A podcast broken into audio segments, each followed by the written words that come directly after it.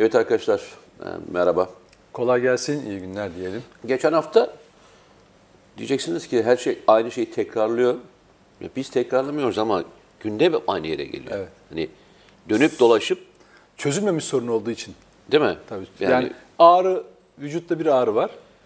Yani ağrı kesici alıyorsun. Tabii ama ağrı devam ediyor. Devam ediyor. Yani tedavi olmadığımız için ağrımız devam ediyor. O yüzden bu ağrılardan birine Daha denk geldik. E, en çok denk geldiğimiz ve e, bizi de çok rahatsız eden aslında beni şöyle rahatsız ediyor. Yani kurt kurtluğunu yapacak da hani bu kadar rahat kurtluk yapanlar beni çok rahatsız etmeye başladı artık. Hani Yok, çekinmemezlik. aslında it itliğini yapacak. Ha, öyle doğru Kurt doğru da söylüyorsun. kurt olacak. Ha, doğru, bak çok doğru. Geçen gün böyle söyledim dedi ki abi Öyle değil e, yani. çakal düzeltiyorum. Çakal çakallığını Çünkü yapacak. Kurt çok Tabii. o- Soylu şey, bir soylu bir hayvan, soylu bir hayvan, E, bize de değerli bir hayvan. Bizim şeyimize de değerli bir hayvan. Çakal çakallığını yapacak. Nedense ama çakalın bu çakallıklarını e, bu kadar rahat yapabilmiş olması e, çok önemli. Neden öyle? Çünkü çakal mesela biz tabii ben görmedim ama belgesellerde görüyorum yüzsüz bir hayvan. Yani kurtlar onu kovalıyor.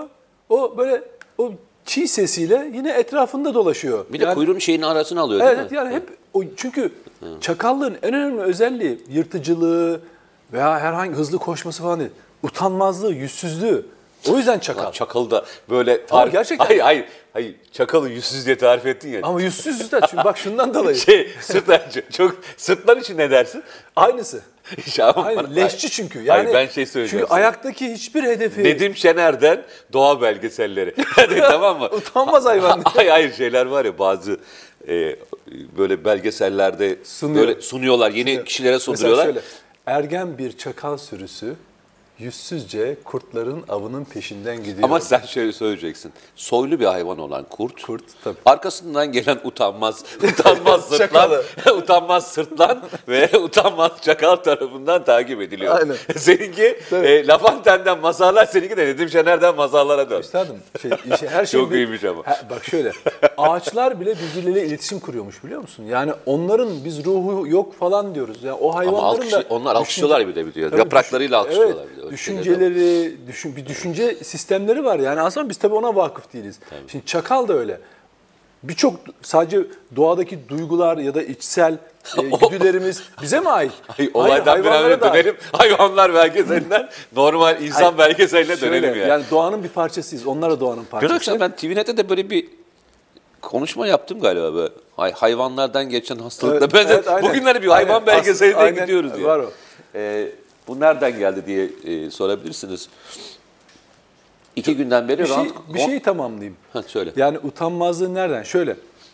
Ayaktaki bir hedefi yani yemek istediği bir başka hayvana doğrudan saldırmıyor. Onu ona saldırmış, onu yiyecek noktasına getirmiş bir hayvanın arkasından bıraktıklarına veya onu oradan elimine ederek kendi yemeye çalışıyor. Yani hazırcı. Veya şeyden utanmaz- de e, gruptan önce kopartıyorlar. Tabii. Yani ve şeyi e, saldıran ana hayvan neyse yani e, hedefe yönelen hayvan neyse onun da taarruzlarına karşı hiç şey yapmıyor. istifini bozmuyor. Biraz dağılıyorlar. Tekrar toplaşıp o şeyin peşine geliyorlar. Yiyeceğin peşine geliyorlar. Yani böyle de utanmaz demek istediğim bu. izleyicinin kafasına yanlış bir şey kalmasın. Peki, yani tamam. utanmazı oraya oturtuyorum. Okey. Ee, buradan Rand Corporation'a geliyoruz. Nasıl geldiğimizi daha sonra belgeselin içindeki ikinci bölümde anlatacağız.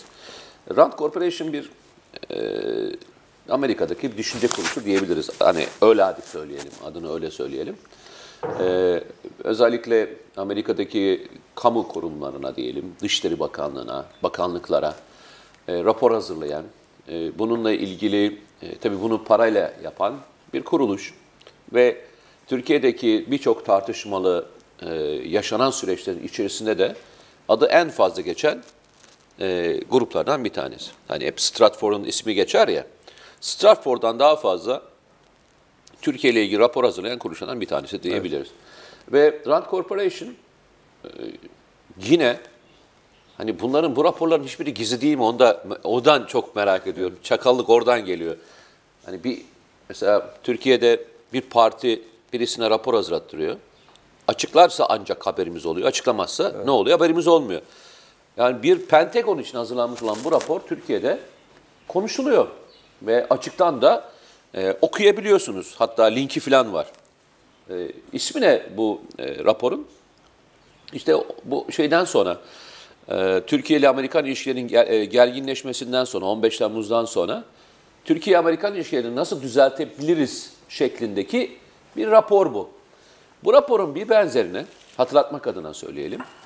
11 Eylül saldırısından sonra işte Irak'a ve e, Afganistan'a müdahale etme kararı alan ve 2003'te de bizde geçmeyen tezkere sonrasında gerginleşen Türk-Amerikan ilişkilerinden sonra da Rand Corporation bir rapor hazırlıyor. E, bunun adı da e, Demokratik İslam veya bizim çevirisiyle, Türkiye çevirisiyle ılımlı İslam diye bir rapor hazırlıyor. Orada da e, Müslümanlarla arayı nasıl düzelteceğiz diye bölüm var. Bunun içerisinde de Türkiye bölümü var. Çünkü o dönemde Türkiye'de çok büyük Amerikan karşıtlığı vardı. Hala aynı şekilde var. Bunu düzeltmek için öneriler var. Hangi gruplarla nasıl temas kurulacak? Hangi grup öne çıkartılacak? E, ve orada öne çıkartacak olarak grup olarak ismi olarak da kimi veriyorlar arkadaşlar? FETÖ'cüleri. Fethullah Gülen'i veriyorlar. O dönemde e, öyle geçiyor. Şimdiki FETÖ'cü o zaman onların tabiriyle Fethullah Gülen. Üç tane lider ismi sayıyorlar. Dünyada öne çıkartılması gereken bir tanesi Mısır'da, bir tanesi Bosna'da yaşıyor, bir tanesi de Türkiye'de yaşıyor. Bu üç liderin ismini veriyorlar. Şimdi gelelim buraya. Rand Corporation bir tane daha rapor hazırladı. Bu sefer 15 Temmuz'dan sonra Türk-Amerikan ilişkilerindeki gerginliği Pentagon adına nasıl düzeltebiliriz, askeri ilişkileri nasıl toparlayabiliriz diye bir rapor. Evet. Oradan başlayalım. Buyur. Şimdi aslında e, deminden söyledin ya yani bu gizli değil mi falan diye. Şimdi bu aslında e, Türkiye'deki ajanlarına yani ajan dediğim böyle onlara ajanlık yapan değil. Onlar adına operasyona katılan STK işte ne derseniz deyin yazanı çizeni ne varsa onlara da bir yön vermiş oluyor. Amerika'nın Sen en- öyle değerlendiriyorsun. Tabii şimdi bak o o çerçevede o raporun içeriğine bağlı olarak biz ileriki günlerde neyin tartışıldığını e, en çok göreceğiz. Türkiye Rusya çok yakınlaşmasın. Türkiye NATO'ya çok yakın olsun. Veya ya bu Milli Savunma Üniversitesi niye böyle? Bunu biraz daha bilmem ne yapmak lazım. Acaba burada şeriatçılar mı var? Burada şeriat yani TSK'yı bu üniversite dağıtalım mı tekrar? Parçalı hale getirelim mi? Falan tartışmaları. Niye? Çünkü bu raporun içeriği bunu söylüyor. Diyor ki bu Milli Savunma Üniversitesi bizden bayağı uzakta kalıyor. Bunun müfredatına diyor hakim olursak ileride yetişecek subayları da kontrol altına alırız. NATO'ya yakın tutarız. Bu anlamda tekrar Türkiye yönetilebilir. Çünkü Türkiye'de her ne olursa olsun Türk Silahlı Kuvvetleri'nin etkisinin çok büyük olduğunu onlar da tespit ediyorlar. Ama bu etkinin 15 Temmuz sonrası değiştiğini farkında değiller. Onlar hala aslında soğuk savaş kafasıyla evet silahlı bir güç, e, etkili ama Türk Silahlı Kuvvetlerine duyulan güven tamamen ordunun Mehmetçik diye sahiplenilmesi kendinin bir parçası olarak görmesinden kaynaklanıyor. Öyle olmayaydı zaten. Yani Türk halkı bu ayrımda olmamış olsaydı 15 Temmuz gecesi kayıtsız şartsız TS, o askerleri gördüğü zaman teslim olurdu. Ama 15 Temmuz neyi gösterdi? Ha bir dakika asker üniformasında da olsa bir takım hainler bu ülkeye kötülük yapabilir diyerek kendi direnişini gerçekleştirdi. Şimdi kaçırdıkları nokta bu. Zaten o raporda en eksik kalan kısım Türkiye ile ilgili değerlendirmede Türk halkı üzerine. Neden? Türk halkını birileri tarafından yönetilebilir olarak görüyorlar. Yani o da ne? Silahlı güç. Dolayısıyla bu silahlı gücün yani Türk Silahlı Kuvvetleri'nin kendilerine çekilmesi, Türkiye'nin bu yolla kontrol, kendi kontrolleri altına alınması iki yönden gerekli. Bir Türkiye'nin yönetilebilirliği açısından, iki dış operasyon yani Türkiye'nin dışındaki operasyonlar için de kullanılması bakımından. Niye? Çünkü Türk Silahlı Kuvvetleri şu andaki haliyle, anlayışıyla, şu andaki Türkiye'deki yönetim anlayışıyla Amerika'nın çıkarlarına göre hareket etmiyor. Bütün oyunu da bozuyor. Suriye'de bozdu. Libya'da e, bozuyor. E, İran'la ilgili konularda aldığı tavırla bozuyor. Onların yanında kayıtsız şartsız yer almıyor. Yani Orta Doğu'daki bütün oyunlarını bozan, yani şöyle düşünün, işte Büyük İsrail projesinin bir parçası olan terör devleti yapılanmasını da Türk Silahlı Kuvvetleri o kararlılığı bozuyor ve hem de çok taktik ve çok stratejik bir hamleyle zayiat da vermeden bunu başarıyor. Şimdi Amerika tabii uyanıyor. Yani diyor ki çok dinamik, çok etkili bir güç. E, bizim bunu kontrol altına almaktan başka çaremiz yok. Nitekim 15 Temmuz darbe girişiminden sonra FETÖ'cüleri tasfiye ederken en çok neye ağladılar? Ya Türk Silahlı Kuvvetleri'ndeki müttefiklerimizi kaybettik dediler. Şimdi Türk Silahlı Kuvvetleri... İrtibat kuydu, irtibatlarımızı Evet, kaybettik. Evet, en iyi çalıştığımız insanları, irtibatlarımızı İrtibatlarımızı kaybettik. kaybettik diye. Dolayısıyla yeniden irtibat kurmaları gerekiyor. O yüzden bu raporu devlet yetkililerinin mutlaka çok iyi Türkçe'ye çevirip, bak bunu gizleyerek değil ha, bunu hepimizin, bunu STK'lar falan bu raporu çevirecekler kardeşim. Biz Amerika Birleşik Devletleri'nin Türkiye üzerine planladığı oyunu okutacağız herkese. Okutacağız ki emperyalizm Peki. bizim için ne biçiyor önümüzde onu göreceğiz. Ona göre de taktik gezeceğiz. Her kim Ben bu arada bir giriş yapayım. Tabii. Şöyle giriş yapacağım. Şimdi sen dedin ki e, bunu ok, Türkçe'ye çevirelim. Kesinlikle. Tamam şimdi. E, bu ılımlı İslam raporunu e, 2000'li yılların ortasından itibaren e, 2006 yılıydı yanlış hatırlamıyorum. 2000 ya da 2005 yılı olabilir bu Rand Corporation'ın ilk e, raporu. E, Türkiye Türkçe'de birçok insan yazdı. Ben de yazanlardan bir tanesiyim. Evet. İlk yazanlardan bir tanesiyim ve oradaki planın içinde söylüyor yani ordunun zayıflatılması dahil olmak. Ondan sonra zaten şeyler başlıyor. Bu kompas davaları ve diğerleri başlıyor. Türkiye'de o dönemde de farklı farklı cenahlardan insanlar yazdı. Yani e, sağ cenahtan, sol cenahtan, işte ne diyeyim muhafazakar kesimden e, herkes yazdı. Ne oldu? Yani bu yazılırken bu o kadar e, böyle üstü geçildi ki. şöyle Bak bak şimdi aynısını söyleyeceğim. Mesele yalnızca e, şey mi sence?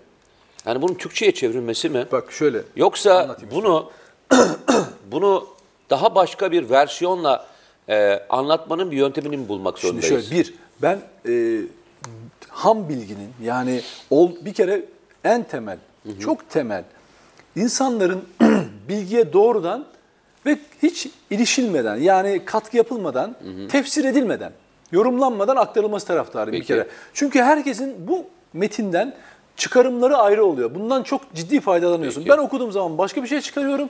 Sen kendi cenahından bakıyorsun, cephenden bakıyorsun. Bunu yapacaksın.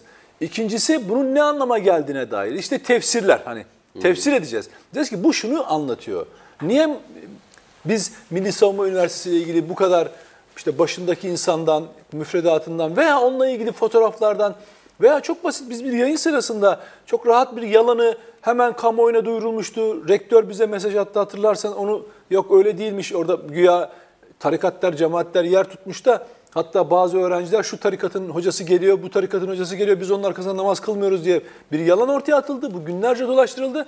Erhan Afyancı yayın sırasında bize mesaj attı da ya öyle bir Ben şey yok. Biz- yayında yoktum. Ha, Diyanet'ten biz hoca çağırıyoruz. Öyle bir durum yok. Başkası başka bir hoca gelmiyor. Niye? Çünkü orayı eritmiyor. Buna başladılar zaten. Yani uzun zamandan beri buna başladılar. Meselemiz şu.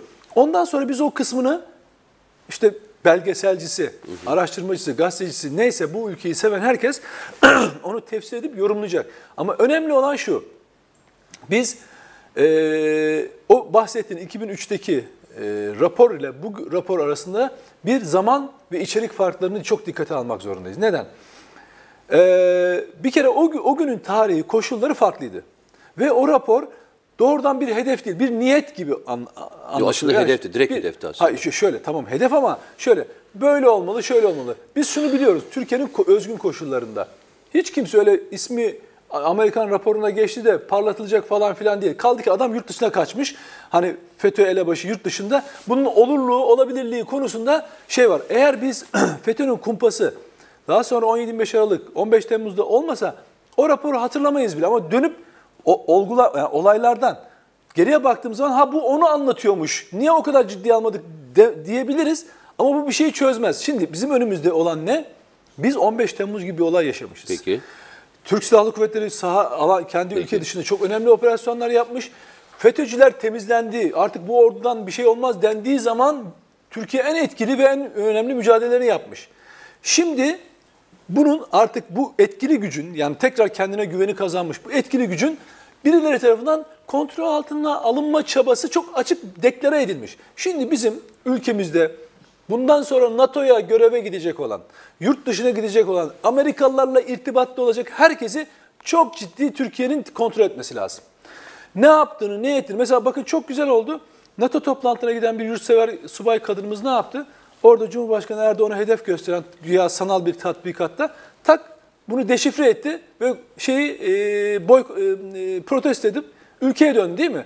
Yani o şekilde bir mi- ulusal hassasiyeti, ülke sev- severliği yüksek subayları yetiştirip e, onların gitmesi ve her anda karşı taraftan size bu yönlü tekliflerin geleceğini, sizi kandıracaklarını, satın alacaklarını söyleyerek o insanları da bu eğitimin parçası haline getirmek lazım. bu askeriye için geçerli. Hatta Tamam. şöyle, hatta bunu bu raporun çevirisini böyle bak kardeşim düşmanın taktik planı bu.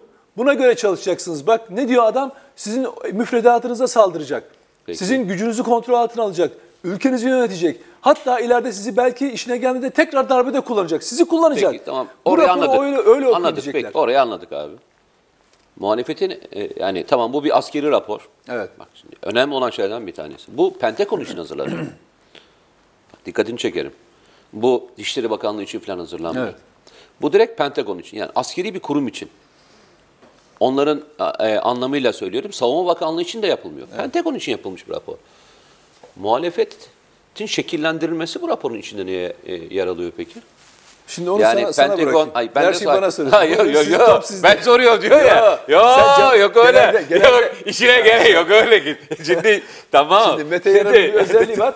Genelde cevabını bildiği soruları sorar. Mesela deminden gördünüz dedi ki mesela 2003'teki e, kimden bahsediyordu? E, ben biliyorum onun kafasında kimin olduğunu, Fethullah Gülen olduğunu ben biliyorum ama bana soruyor. Şimdi bu sorduğu soru da içinde cevabı barındırıyor. Top Ben- kendisine buyurun. Ben alayım sorun yok. Ee, yani söz sende olduğu için hani yapmadım. Ko- Konu şu e, üstadım. Sorunun içerisinde e, deminki çakallıktaki utanmazlık yatıyor işte. Yine aynı yere geldik. Şimdi o belgesele atıp yapmıştık ya. Utanmaz çakallar. Utanmaz çakallar belgeselinin bir bölümü bu. Ee, çünkü şöyle bir şeyi yapmaktan kendilerini alıkoyamıyorlar. O kadar emperyalistler, o kadar narsistler ki hatırlarsan 15 Temmuz gecesi e, Amerika'da ne, ne konuşuluyordu? Oradaki yandaşlarımız şu anda mücadele ediyorlar. Onları yalnız Aa, bırakmamalıyız. Aynen tabii. Bak bunu bunu bu söylendi. Evet. Bu bunun şeyi var. Yani konuşma metinleri var. Görüntüleri var. Şey falan değil bu yani. Arkasından senin dediğin gibi ne söyledi? Kendi irtibat kurduğumuz güvenilir elemanlarımızı kaybettik.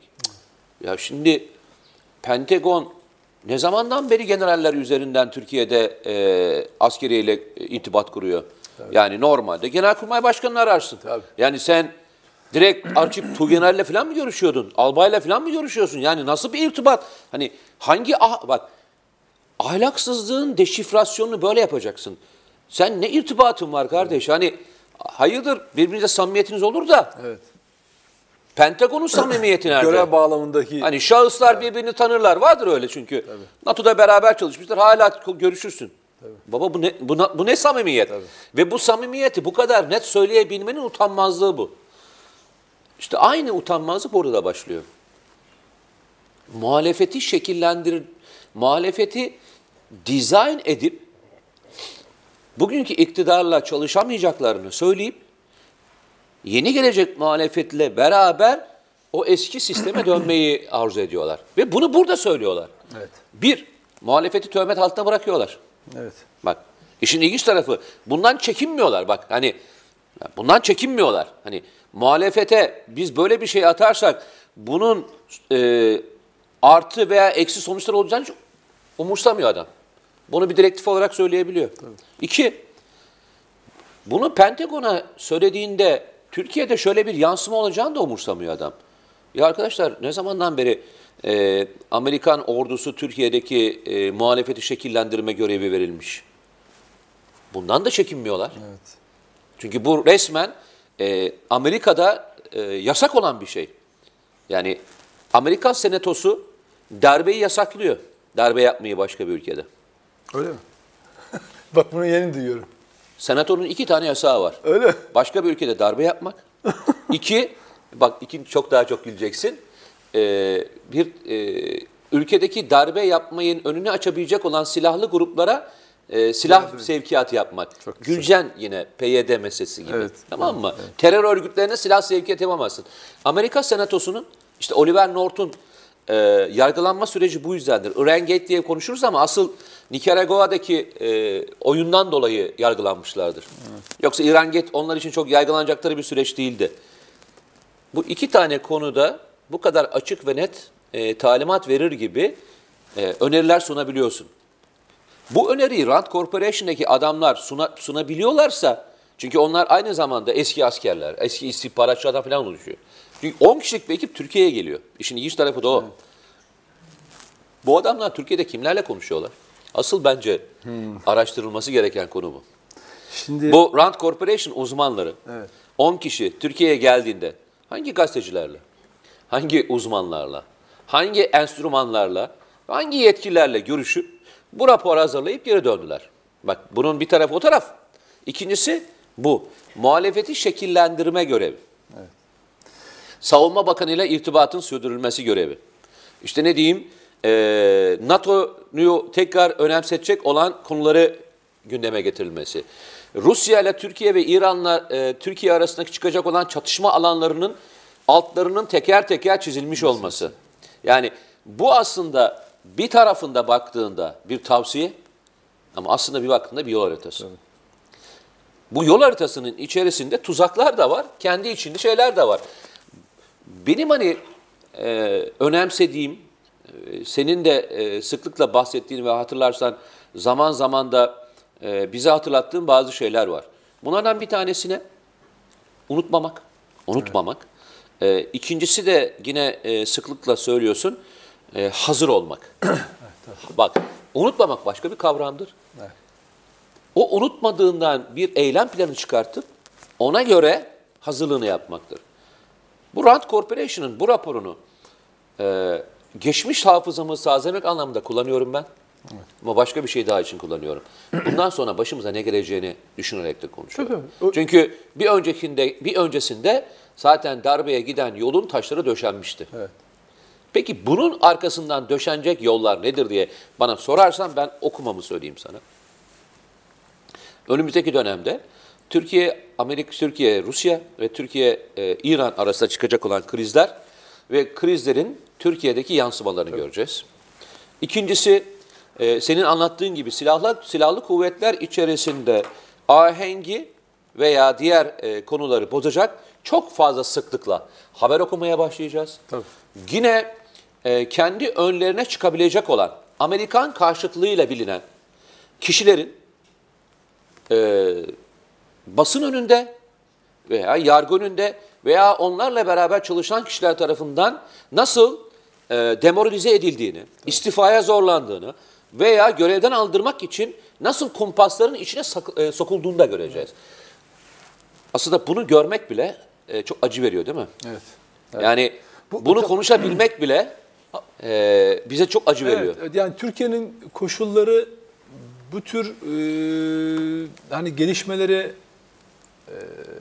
evet açık olduğumuzu e, tarih gösterdi hep.